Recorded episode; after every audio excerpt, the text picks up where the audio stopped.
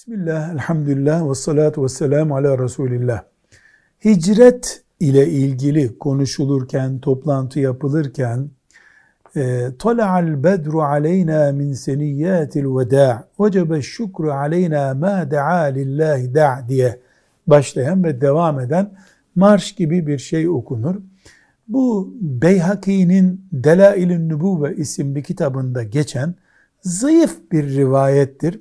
Hadis ilmi kriterleri açısından sahih değildir. Çünkü e, Veda tepelerinden doğdu güneş diyor. Şam tarafıdır Veda tepeleri. Efendimiz sallallahu aleyhi ve sellem Şam tarafından gelmemişti. Dolayısıyla çok böyle vakaya uygun değil ama o günkü ashab-ı kiramın hassasiyetini, hasretlerini dile getirdiği için saygıyla karşılanır.